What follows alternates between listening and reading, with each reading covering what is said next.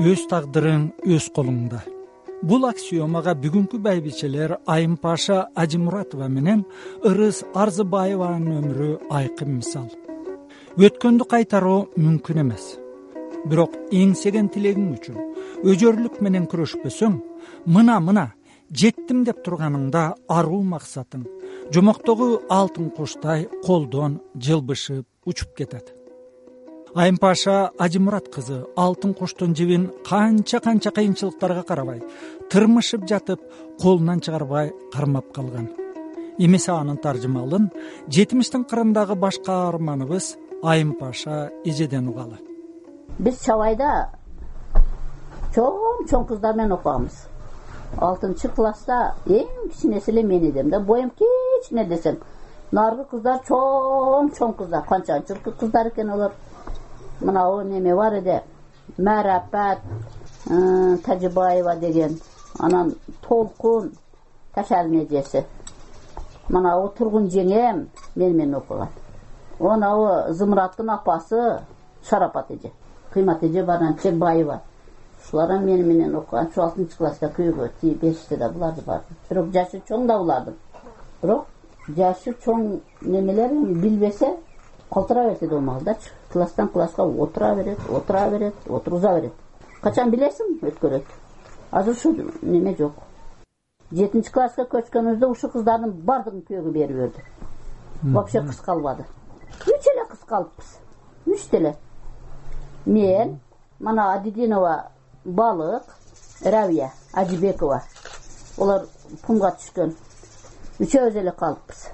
Үчөөбүз окудук мына ушул участкада анан ошол азыр өкмөт болуп турган жерде мектеп бар эди жетинчи класс бүткөнүбүздө экөөбүз эле калдык. Баягы рабияны эм күйөөгө чыгарып берди пумга берип берди бирөөгө.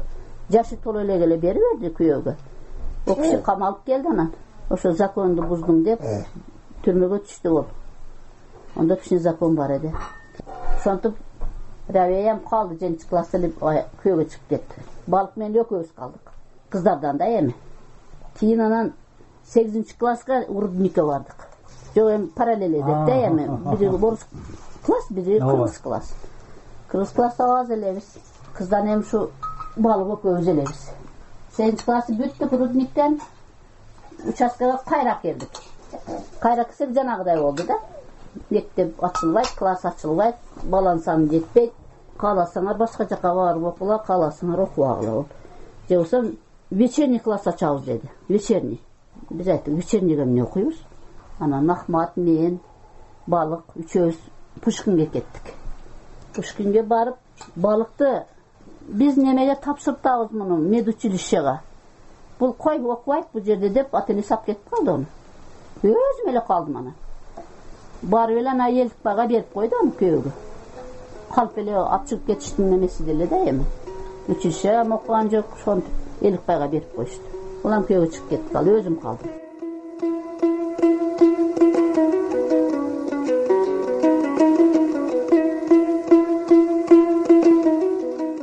Ошентип үч коргон кыштагындагы пушкин атындагы мектеп интернатта айым паша чабайдан барган жалгыз кызы болот. Анын окуйм деген ыкласын математика мугалими маалик агай. Атасы ажимурат жездеси маамат малабаев колдойт ал эми чабыбай кенинин партиялык комитетинин катчысы жездеси ашер жусупалиев колдобойт. Пушкинди окуганымда анан кийин ошол маалик жездем бизге сабак берет эди математика тригонометрия геометрия. Сабактарын ошол окутат бизди жездем. Анан пушкинди бүтүп анан жездем айтты сен үйгө барсаң сени алып калат деди. Прямо ушул жерден эле ошко кетесиң деп анан ошондон ары кетип барганмын ошко акчаны каяктан алдыңыз? Акчаныбы үйдөн алдым. Атам колдойт эди актаңдай акын ысмайыл борончиев айткандай кызыл гүл болуп сеңселген айым паша мектепти бүткөндөн кийин маалик агайынын кеңеши боюнча түз эле ошко барат. Жана пединститутка чет тилдер факультетине кирет. Экзамен тапшырдым. Өттүм экзаменди төрт бешке тапшырдым баардыгын стипендия канча эле ошо жыйырма сегиз сом жыйырма сегиз сом. Ал бир айга жетеби ошо жыйырма жетет эди үйдөн үйдөн э, продукты алып барат элек бирок. Апам рамал болуп кетти бечара капка нандарды жаап тандырга аркасыга көтөрүп картошка болобу эртең менен жетип барат ошко. Немеде общита жашайбыз да бакырат бакырат айнектен карасам апам ой сен апаң кептир ана тез эле келип алыптыр сабап алып бир миң тогуз жүз алтымышынчы жылдары ош пед институту кыргызстандын түштүгүндөгү бирден бир жогорку окуу жай болчу. Ал эми республика боюнча бардыгы алты институт жана бир университет бар эле ал кезде. Айымпашанын студент экенине ата энеси сыймыктанганы менен кээниндеги аттуу баштуу жетекчилерден болгон ашир жездеси кубанбайт. Ал балдызын окутпоо үчүн бар аракетин кылса кызыл кыядагы тоо кен техникумун бүткөн маамат малабаев терскерисинче балдызын колунан келишинче колдойт апам апамды ашир жездем күбөлөйт эди. Ашир жездем парторг эди умалда урусмиктте э кызыңды окутпа. Ол окуса кайсы шаарга алып кетип калып каласың бир кызыңдан эми айрылып. Кайсы немеге өтүп кетет ол? Кызың качып кетет баары бирөө алып кетет деп бузат экен апамды барсам анан сени ашир ушундай деп атат. Кой окубай эле койчу сен. Барбай эле койчу дейт. Кой апа бара берейин окуй берейин жездем айта берет да десем эки жезде экөө мушташат сөз менен. Ашир жезде менен мамат жезде бажа. Эки эжесиңдин алган. Сен эмнеге бул кызды бузасың деп мамат жезде ашир жездени урушат. Эмнеге мунун жолун тососуң? Экөө урушат менин артыман айымпаша ажымурат кызы өжөр жана чыдамкай болбосо институтту эки жылдан кийин таштап коюшу мүмкүн эле. Себеби апасы окуба деп жол кирээлик акчаны кызына бербей койгон эле. Ошондо эргеш аке акчасын аябады дейт. Айымпаша байбиче элүү жыл мурдакы тагдыр чечүүчү бул окуяны эстеп жатып. Кийин келген сайын апам акча бербейт. Барбайсың деп. Анан кийин кумшуларга кирип кампир бар эди ондо. Машина кираа берип туруң мен кой нары ажымураттын катыны бербей койдубу сага акчаны. Пул бербесең эмне окуйсуң окуба кампир урушуп берди мени анан кийин немеге чыктым. Темирбай акам азырам бар. Мойлоо темирбай бутубаев темирбай. Анан ошого барсам ол ошентип урушуп берди. Акчаң болсо окубайсыңбы акчаң болсо эмне окуйсуң дейт. Азыркыча мына ушул эсимде турат ошол сөзүчү көрсөм ошол сөз эсиме түшөт ошол акамды көрсөмчү.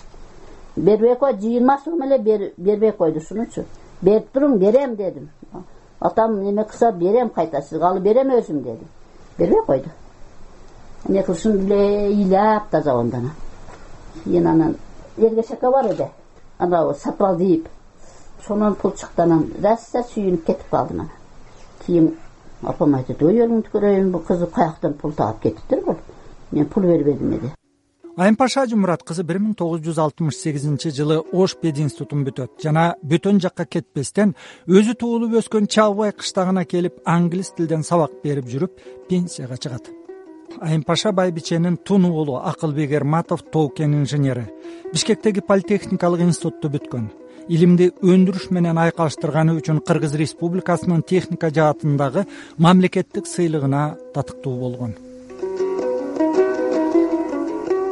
сиздер түштүк кыздарынын өткөн кылымдын элүүнчү алтымышынчы жылдарындагы эрксиз тагдырына арналган аңгеме эскерүүнү угуп жатасыздар.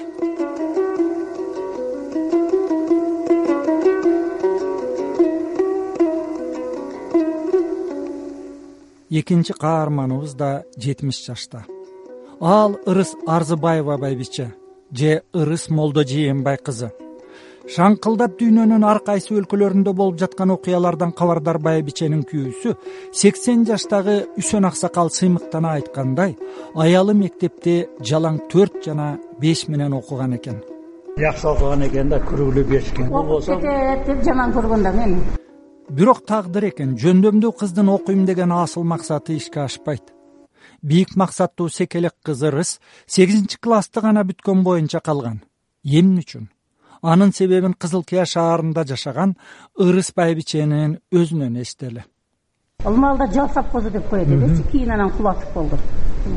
Сегизинчи классты мен ошол жакта бүтүп анан ал неме бишкекке жаңы шамшиздер менен бишкекке барсам мен энди өз оюмда беш номер бешке окуйм деген максат менен барсам ол мени бакча кылып окутпай койду баласын бактырып анан бир жылдан кийин келгенден кийин атам мага турмушка берип жиберди ошол боюнча калып калдым эмне үчүн берип жиберди? Кыздарды окутканды жаман көрөт эди сен окусаң бир нерсе болуп кетесиң деп мени урушат эди. Окубайсың деп. Молдо деди умалда молдолорго тыюу салат эди го.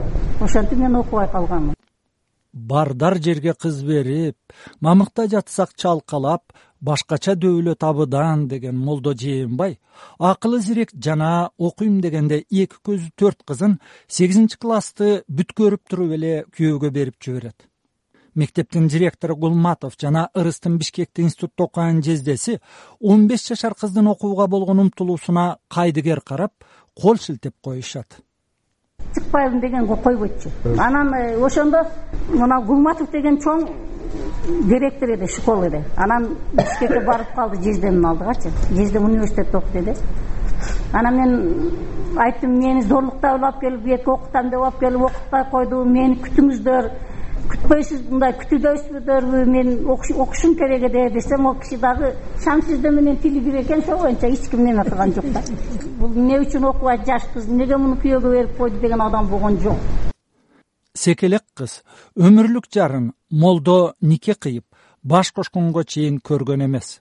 Үйлөнөр алдында көрдүңүз да барып э, ынтымакка барып? Жок жок көргөм жок жок көрбөй эле мени көргөндө абаса керек ыйлаам анандайды мен жыгылып калып ушундай болгом да анан өзүм дагы ойлогом деди менин ыйлаам ушундай болсо мени күйөөгө алып келет экен деген мааниде майли деппин да. Ошондо ырыс молдо жээнбай кызы бишкектеги атактуу номер бешинчи мектептен окуп калса агасы кийин өкүнүп жүргөндөй балким чоң кызматкер болот эле. Акасы айтып калчу деди э ушул сага тийбегенде менин карындашым обком комсомол болот эди деп мага чич кылат эди азыркыга чейин китеп окуйт мен окубаймын. Бир аза көп китептерди окуйт.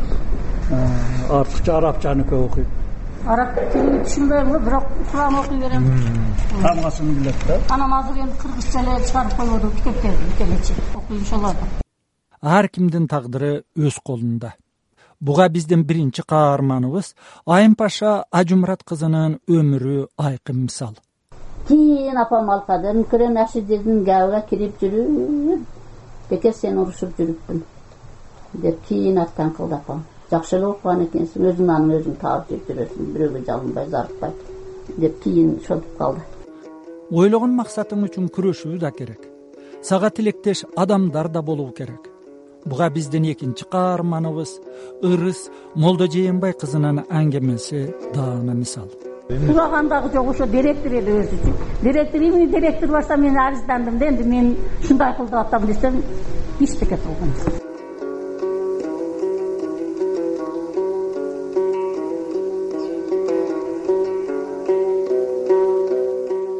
түштүк кыздарынын өткөн кылымдын алтымышынчы жылдарындагы катаал тагдыры тууралуу аңгемелерин амирбек аззам уулу жазып алган